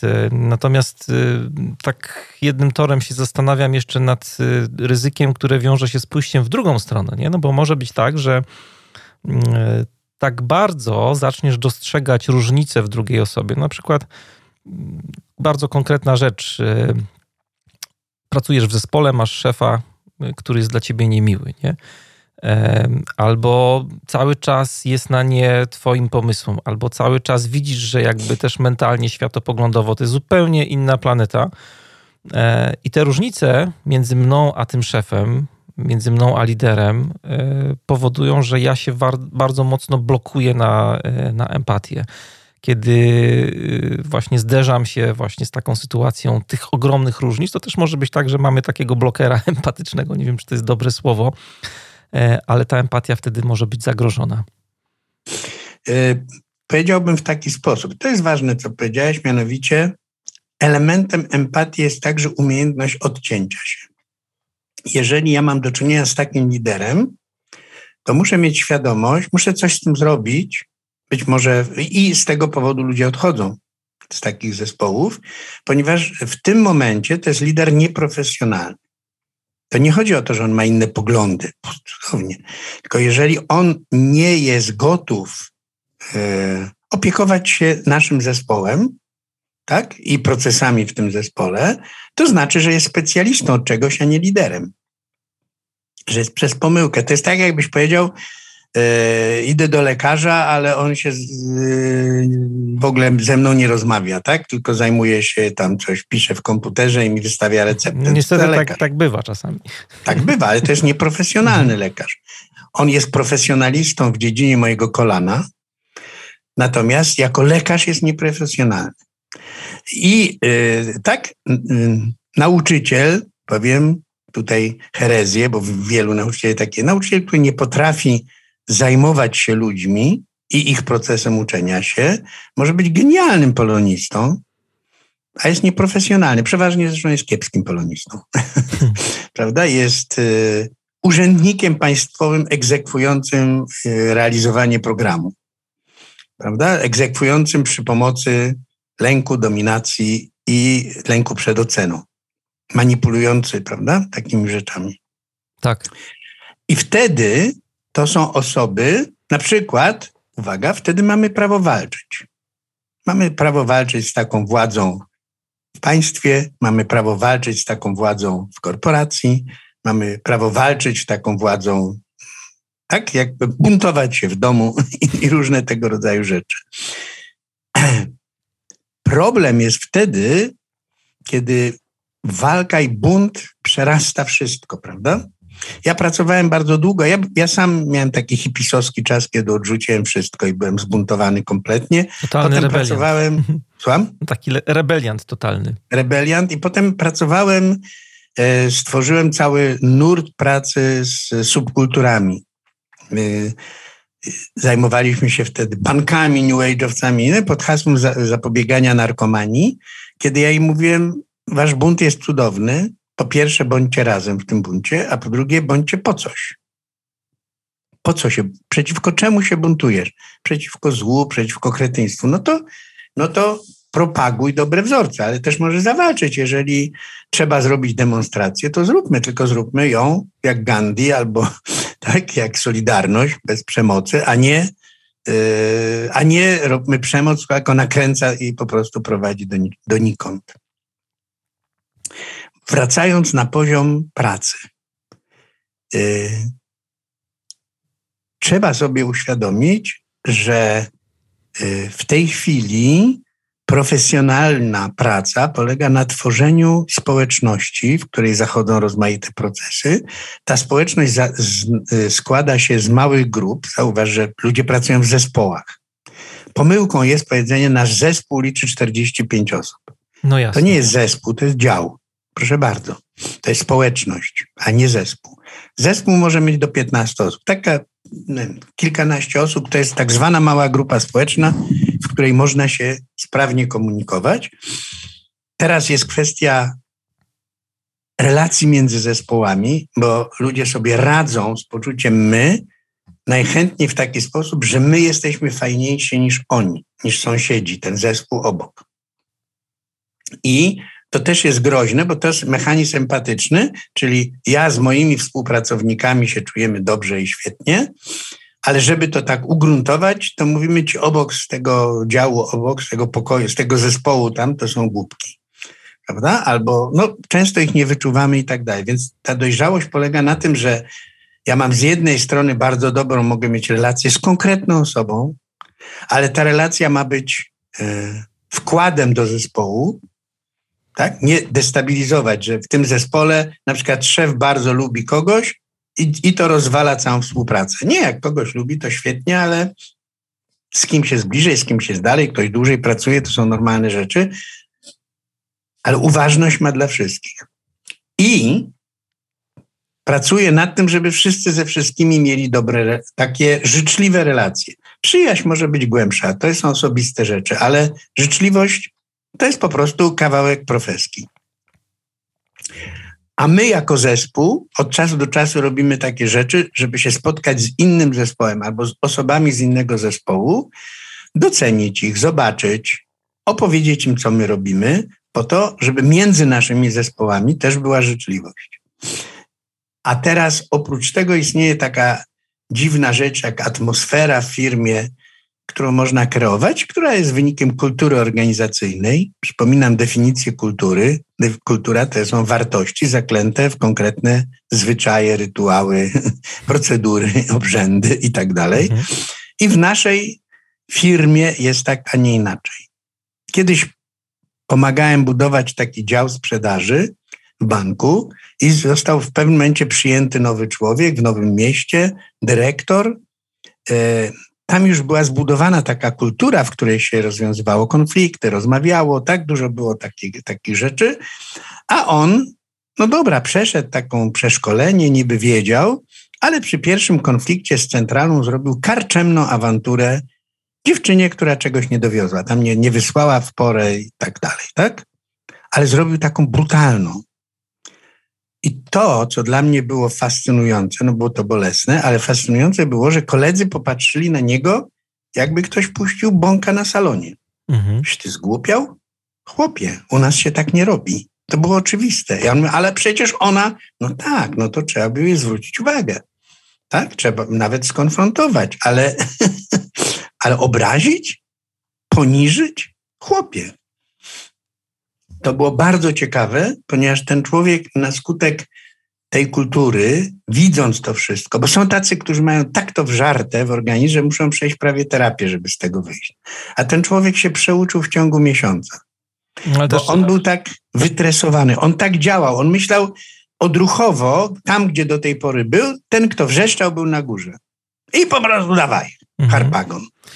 A tutaj nagle okazało się, że może, że, że nie, że, że, że on może swoje potrzeby jak najbardziej zaadresować. On może powiedzieć, że to bardzo, no bardzo go roz, no, no spowodowało konflikt z klientem, że to tak, rozumiesz, że to jest trudne, co ona zrobiła, ale nie poniżając ją. Pokazałeś też taką, myślę, fajną rzecz związaną z y, otwartością grupy, nie? czy zespołu, bo to jest y, taki, myślę, stan bardzo dojrzały, kiedy zespół ma do siebie zaufanie, na tyle jest otwarty, że jak ktoś, no nie mówię tutaj akurat o liderze, nie tylko o liderze, nie, ale jak ktokolwiek z zespołu zrobi coś w spak regułą czy standardom, na które się zespół umawia, czy zakontraktuje, to, to zwraca uwagę, nie? chociażby nawet taką naganą wzrokową. To, to też jest jakaś, jakaś forma właśnie respektowania tych e, reguł. I druga rzecz, bo nie chciałem ci wcześniej przerywać, ale też e, rozwinąłeś bardzo ciekawą, ciekawy wątek związany też z, w ogóle z tą naszą plemiennością, która jest sama w sobie bardzo dobra, no bo jesteśmy plemiennym gatunkiem, e, ale w firmach funkcjonujemy na zasadzie różnych zespołów i, i tak jak zauważyłeś, to jest coś, co dzisiaj jest bardzo na czasie właśnie, żeby pracować w tym kilkunastoosobowym zespole, żeby mieć zespół, a nie taką grupę. Jakby też grupy nie są zespołami, to też jest dość istotne rozróżnienie. Natomiast e, do czego zmierzam? Bo myślę, że tak jak mówiliśmy o tym, że dostrzeganie różnic między mną a drugim człowiekiem może jakby utrudniać nam empatię, to podobnie może być e, z zespołem, z grupą. Mówiłeś o życzliwości do zespołu. Ja sobie tutaj zanotowałem, że może być też tak, że jak już jesteśmy członkiem jakiejś grupy, myślę, że to też widać bardzo u nas społecznie, nie tylko na poziomie zespołów firmowych, ale na poziomie grup religijnych, grup politycznych, no w zasadzie w każdym kącie ten problem występuje, to my bardzo szybko jakoś, tak, nie wiem, utożsamiamy się może z tą grupą, tak mocno się z nią scalamy, że nawet nie próbujemy zrozumieć ludzi, którzy są w tej innej grupie, w tym innym zespole e, w naszej firmie, bo oni są, no oni są inni, nie? bo oni są obcy My z nimi nie obcujemy, ale właśnie traktujemy ich jako, jako tych złych, gorszych od nas, nie próbujemy ich zrozumieć. I to jest, myślę, też taki duży bloker w byciu empatycznym e, no, w firmie, w zespole, e, też społecznie, tak, tak. tak szerzej. Nie? To jest, to jest forma niedojrzałości empatycznej. To jest forma, przypominam z badań Hoffmana, Hoffman pokazał w jaki sposób poprzez rozwój empatyczny powstaje wewnętrzna hierarchia wa wartości. Mniej więcej w nastoletnim momencie nastu lat y, człowiek zaczyna myśleć abstrakcyjnie, to Piaget pokazał, prawda? Zaczyna pierwszy raz myśleć w ogóle pojęcia abstrakcyjne mieć, tak? Taką umiejętność. I też na przykład przeżywa nie, że doznał krzywdy, tylko co to jest krzywda, albo co to jest niesprawiedliwość, prawda? Albo co to jest właśnie miłość, albo co to jest prawda. Mhm. Nie konkretne kłamstwo i, czy prawdziwa sytuacja, tylko co to w ogóle jest prawda. I to one nam się ugruntowują w organizmie w postaci hierarchii wartości. Przez to, że nad tym się nie pracuje w ogóle prawie, to one biegają na dziko i w związku z tym taka ludzie się zatrzymują na, tam powiedział tak, takie osoby się zatrzymały na okresie nastoletnim, w którym jeżeli nie ma dobrej pracy, to nastolatki się robią w grupę i ich taką siłą jest to, że jesteśmy inni niż inna grupa. Jesteśmy fajniejsi, bo jesteśmy cwaniaki, albo jesteśmy grzeczne dziewczynki, albo jesteśmy nie tak, jakoś mhm. E, kujony na przykład, albo jesteśmy grupą, która się interesuje czymś, a reszta to debile, bo się tym nie interesują. I mm, to, to jest taki naturalny element rozwoju, ale już w tym czasie myśmy robili duże projekty dla liderów młodzieżowych, w których te, jakby te grupy było cudownie, że się interesujecie sportem. I pogadajcie z dziewczynami, które się interesują kurna modą albo się interesują czymkolwiek innym i docencie i też nauczcie się, że fajnie jest. No ja się chcę spotkać z kimś, kogo lubię, ale od czasu do czasu spotkanie innego powoduje, że ja się staję mądrzejszy i on się staje mądrzejszy. Lepszy, głębszy. E, do tego służą na przykład projekty często wolontariatu, robienia różnych fajnych rzeczy. E, z młodzieżą pracujemy często nad tym, żeby to oni wymyślili ten, te, te, te rzeczy, które warto robić. Ostatnio przenieśliśmy to na biznes. E, są potężne projekty wolontariatu, wolontariatu pracowniczego. Są mądre firmy, które mówią, trzeba sprzyjać temu, że ludzie się angażują społecznie, bo po pierwsze to jest dobre, a po drugie to jest dobre dla naszej firmy. Bo ci ludzie, jak tam komuś pomogą, coś fajnego zrobią, to wrócą lepsi. Ale nie zawsze. I tutaj warto opakować taki wolontariat właśnie dobrymi sytuacjami edukacyjnymi, czyli na przykład wziąć grupę osób, która w taki sposób treningowo-warsztatowy przygotuje się do tego, żeby na przykład pomóc jakimś dzieciom. Pogada o tym, opowie o emocjach, czego się boję, idę do tych dzieci z chorobą nowotworową, jestem przerażony, prawda? Albo jestem zafascynowany i przerażony jednocześnie. Co my zrobimy, tak? Czy my im czegoś nie narzucimy? Pamiętam taką grupę, która wymyśliła, że pomoże matkom e, w takim ośrodkowi dla matek e, takich samotnych, wyrzuconych z domu i tak dalej. Co oni nam wymyślali? Będą im pazurki pomogą. Rozumiem, że będą robić różne rzeczy. Pojechali tam, mhm. ale my już mamy metodykę. Mówię, no to jedźcie i zobaczcie, co im jest potrzebne.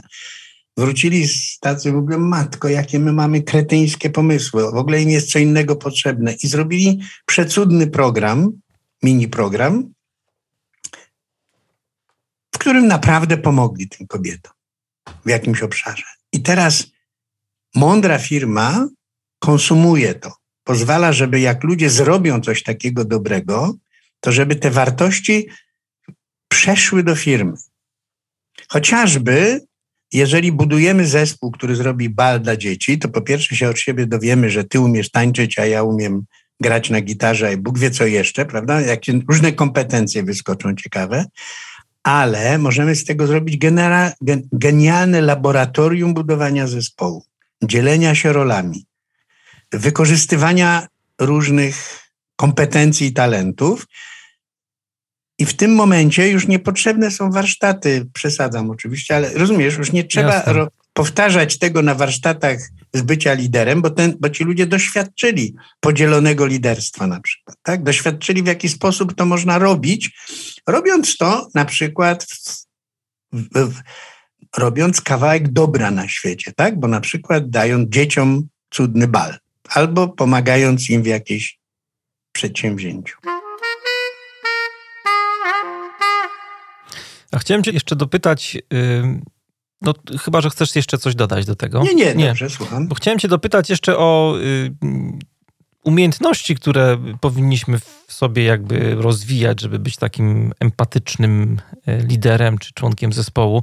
Ja sobie wynotowałem z tego, co mówiłeś dzisiaj, kilka takich rzeczy, bo mówiliśmy dużo o tym, że e, słuchanie jest ważne właśnie w empatii.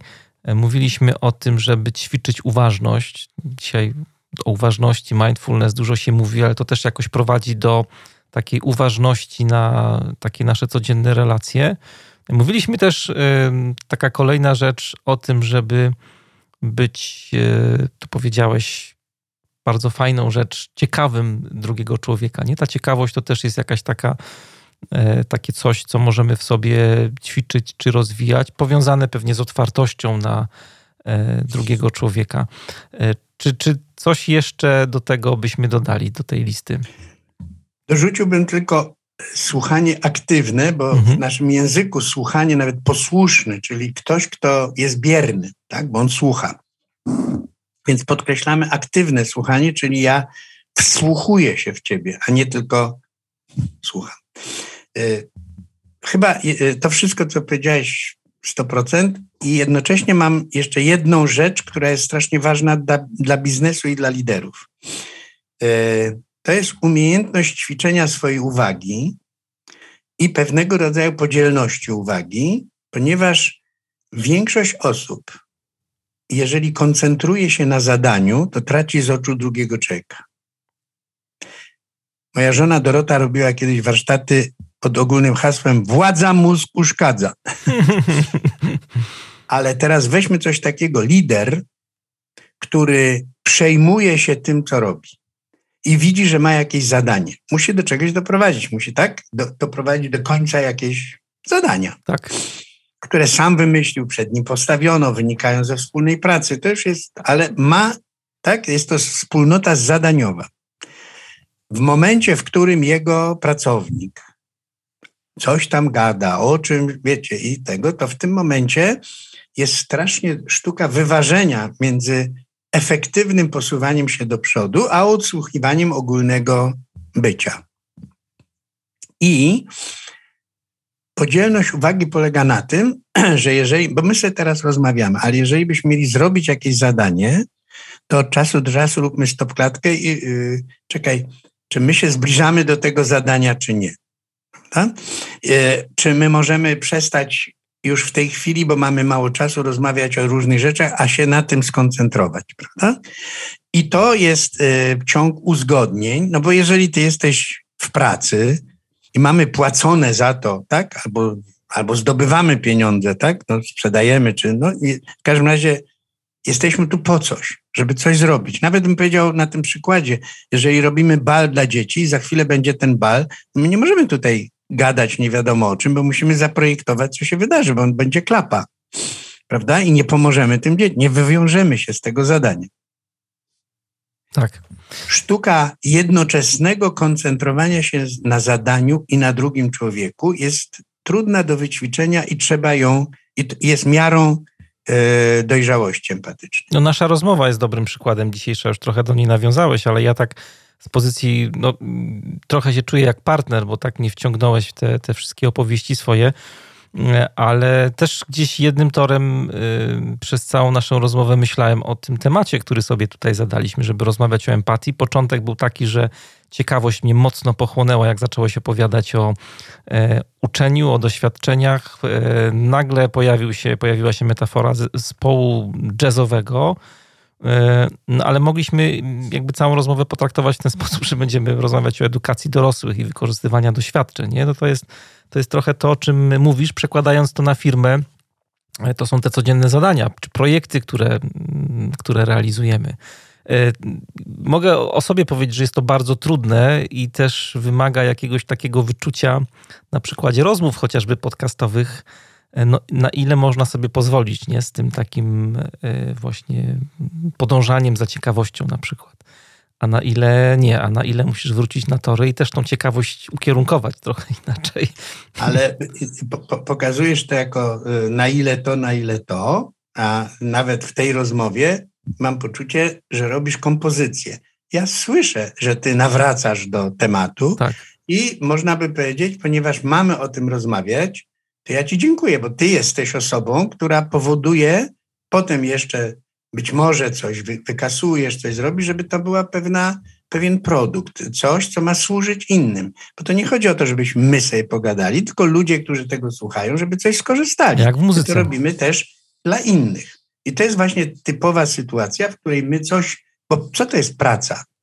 To jest robienie czegoś dla innych. To jest robienie butów, albo robienie programu komputerowego, albo budowanie mostu, z którego inni będą korzystać i ja dzięki temu zarobię. Prawda? I w związku z tym my musimy o tych innych pomyśleć, tak? Yy, w związku z tym, jeżeli ty jesteś tutaj autorem podcastu, a ja płynę, to ty mi możesz powiedzieć, a teraz wróćmy do czegoś albo zajmijmy się czymś, a jestem ci wdzięczny, bo ja chcę, żeby to miało sens dla tych innych.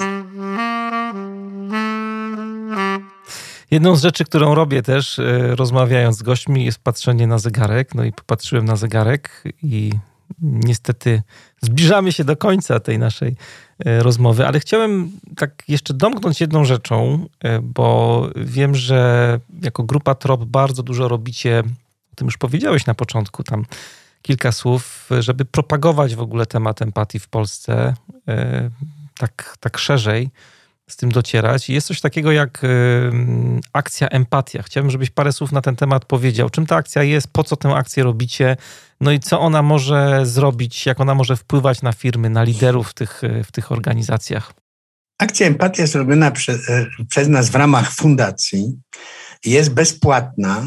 Festiwale są bezpłatne i w takim sensie, że, nikt, że ludzie uczestniczący nie płacą za uczestnictwo, i w takim sensie, że na tych festiwalach wszystko jest za darmo. Szukamy instytucji, która da lokal za darmo, osoby, które to organizują, robią to społecznie, bezpłatnie i e, na samym festiwalu e, tak nikomu nie płacimy za prowadzenie, ani za organizowanie, ani za takie rzeczy. Robimy to, bo to jest nasza misja. E, mamy spółkę, w której mamy przyzwoite rynkowe ceny na rozwój, na, na akademię, na, na, na programy e, biznesowe, ponieważ żeby coś naprawdę przeprowadzić, to trzeba się do tego przyłożyć i trzeba na to czasu. W ramach akcji Empatia raczej spotykamy ludzi i się uczymy od nich, oni od nas, oni od siebie nawzajem, którzy w bardzo różnych obszarach realizują projekty rozwojowe oparte na współpracy empatycznej. I tam przychodzą ludzie, to jest, e, bo weźmy pod uwagę coś takiego. Ludzie biznesu lubią się spotkać z ludźmi biznesu, a nawet bardziej specjalistycznie informatycy z informatykami, HR-owcy z HR-owcami, prezesi z prezesami i tak dalej. Ludzie oświaty lubią się spotkać we własnym gronie, nauczyciele z nauczycielami, tak? Jakieś metodyki, jakieś tego, alternatywne szkoły oddzielnie, jakieś twórcze oddzielnie, a jakieś metodyczne oddzielnie. NGOsy lubią się spotkać ze sobą i tak dalej. E, na festiwalu empatii ludzie spotykają się i muszą, nie mają innej szansy, tylko muszą wykryć najgłębsze podobieństwo, ponieważ na pozór robią rzeczy kompletnie różne. Jeżeli siedzi prezeska e, fundacji, która robi szkołę demokratyczną, a obok siedzi facet, który ma dwie firmy i mm, próbuje je, nimi zarządzać w sposób nowoczesny, a obok siedzi profesor, który e, mm, o tym wszystkim pisze, a jeszcze obok i tak dalej, to nie ma innej szansy, żeby oni się nie zajęli najgłębszymi rzeczami. Oczywiście mogą, może to nie wyjść, ale na tych spotkaniach oni zaczynają rozmawiać o rdzeniu rozwoju, o rdzeniu tej empatii i jednocześnie przyglądać się z bardzo różnych perspektyw. Dlatego bardzo lubią. No, jest już ta grupa, która na kolejne festiwale chodzi. E, w międzyczasie robimy inspiratoria. To jest taki format, który wymyśliliśmy, w którym na przykład jest trener prowadzący zajęcia w taki właśnie sposób grupowy, żeby się rozmawiać i tak dalej, ale jest na przykład dwóch inspiratorów, którzy mają krótki czas na podzielenie się swoimi refleksjami na jakiś temat, na przykład na temat liderstwa, albo na przykład mamy, uwielbiamy inspiratoria pod hasłem między. Międzypokoleniowo, międzykulturowo, między płciami, czyli wyrównywanie szans kobiet i tworzenie bardziej sprawiedliwego w ogóle świata, tak, w tym obszarze. I, e, i tyle. I jak serdecznie na to zapraszam. E, jak festiwal, często to się w ogóle odbywa, ten taki festiwal?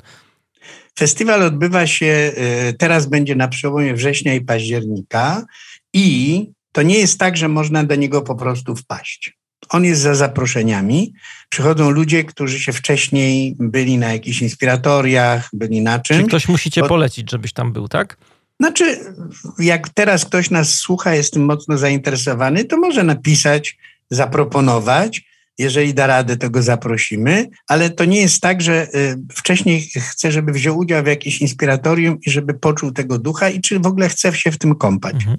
tak, w tego rodzaju atmosferze. Otwarte bardziej będą y, zajęcia przed i po. Mianowicie, jak mówię na przełomie, to sam festiwal jest 30 września i 1-2 października, a tydzień wcześniej i tydzień później będą się odbywać w internecie i w różnych lokalnych miejscach zajęcia związane z współpracą empatyczną. W Ostrowcu Świętokrzyskim, w Warszawie, w Krakowie, w Tarnobrzegu. A, a gdzie nasi słuchacze miejscach. mogą napisać, żeby się tam zgłosić? E, na waszą stronę, Grupa Trop? Czy... Tak, tak, tak. Albo można wejść e, na stronę Akcji Empatia jest oddzielna strona, ponieważ mi bardzo zależy, żeby tam było dużo ludzi. Tam jest oczywiście bardzo dużo naszych absolwentów, współpracowników, ale też jest bardzo dużo osób, które zupełnie innymi drogami doszły do współpracy empatycznej. Nie są tropowe, że się tak wyrażę. I to jest dla mnie bardzo ważne, dlatego jest też oddzielna strona. Tam jest manifest empatyczny, który można przeczytać, który podpisało kilkaset osób, e, jakiego świata chcemy. E, tam Natomiast powiedziałbym w taki sposób, że y, tak miła była ta rozmowa i myślę, że masz ciekawe osoby, więc zaryzykuję i powiem, że po prostu można wprost napisać do mnie. Jestem bardzo ciekaw takiego rezonansu.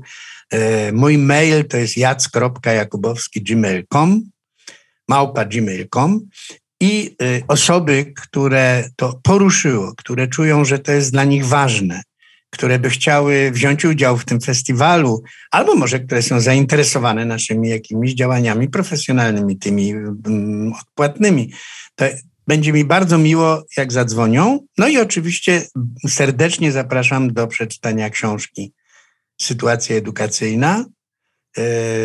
Książka jest darmowa. E, umieścimy link do e, tego e-booka w dzisiejszym odcinku, także na stronie tego odcinka na mariuszchrapko.com będziecie mogli sobie tę książkę pobrać. Tak, i wersja elektroniczna jest darmowa. Wiedząc, że są osoby, które lubią papier, wyprodukowaliśmy też i tutaj już trzeba po prostu za nią zamówić i zapłacić. Można dostać dedykacją, ale bardzo namawiam do tej wersji darmowej i do tego, żeby ją rozsyłać wszędzie, gdzie uważacie. Jacku, ogromnie Ci dziękuję, że e, poświęciłeś swój czas dzisiaj dla nas, że e, podążaliśmy wspólnie tym tropem empatii, empatycznej ścieżki. E, to był bardzo fajny czas dla mnie. Myślę, że ogromna wartość też dla słuchaczy podcastu Manager Plus. Ogromne dzięki. Ja także bardzo dziękuję. Dziękuję, że zostałeś do końca tej rozmowy. Ona była trochę dłuższa niż zwykle, niż zwykłe rozmowy podcastowe, ale myślę, że dużo z niej skorzystałeś, skorzystasz e, w najbliższym czasie, e, bo temat empatii jest e, bardzo ważny, jest nam bardzo dzisiaj potrzebny. Ta umiejętność wyobrażania sobie, że jest się w umyśle drugiego człowieka, stawiania się na miejscu ludzi, z którymi pracujemy, jest po prostu umiejętnością bezcenną w dzisiejszym przywództwie. Na koniec chciałbym jeszcze bardzo, bardzo podziękować wszystkim obecnym patronom podcastu Manager Plus Mm, osobom, które zdecydowały się przedłużyć e, swoje wsparcie, a także nowym osobom, które dołączyły do grona przyjaciół podcastu Manager Plus. I tutaj wymienię po prostu imiona. Kasia, Patryk, e, Gabriel, Bartek, Kuba. No jedna osoba, która poprosiła o anonimowość. Bardzo Wam dziękuję. Dodatkowo jeszcze szczególnie dziękuję zespołowi z firmy iSolution, która zdecydowała się kontynuować swój mecenas e, podcastu Manager Plus przez kolejny miesiąc. To naprawdę e, duża rzecz. Kochani, dzięki Wam ten podcast jest. E, ten podcast się rozwija. Cały czas nagrywam nowe odcinki. Cały czas zapraszam kolejnych gości. Układam już plan na to, co będzie się działo w kolejnych kilku miesiącach, a będzie się działo naprawdę dużo fajnych rzeczy. Staram się też adresować i E, odczytywać wasze potrzeby, to co jest potrzebne tu i teraz e, w przywództwie i tak też dobieram te tematy w podcaście Manager Plus, żebyśmy e, dotykali tych rzeczy, które są po prostu wam najbardziej w tym momencie potrzebne. Mam też taką cichą nadzieję gdzieś, że już niebawem osiągniemy cel numer dwa i wtedy odcinki podcastowe będą pojawiały się po prostu częściej.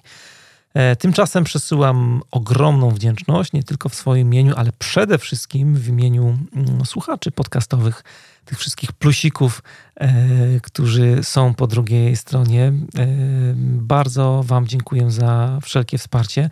No i uwierzcie mi, że no nie, jest, nie jest mi nigdy łatwo mówić o tych sprawach finansowych, nie jest mi nigdy łatwo prosić o pomoc finansową. No, taką mam już naturę, ale wiem, że Mm, no, że będzie dobrze, że razem będziemy robić naprawdę e, cudowne rzeczy.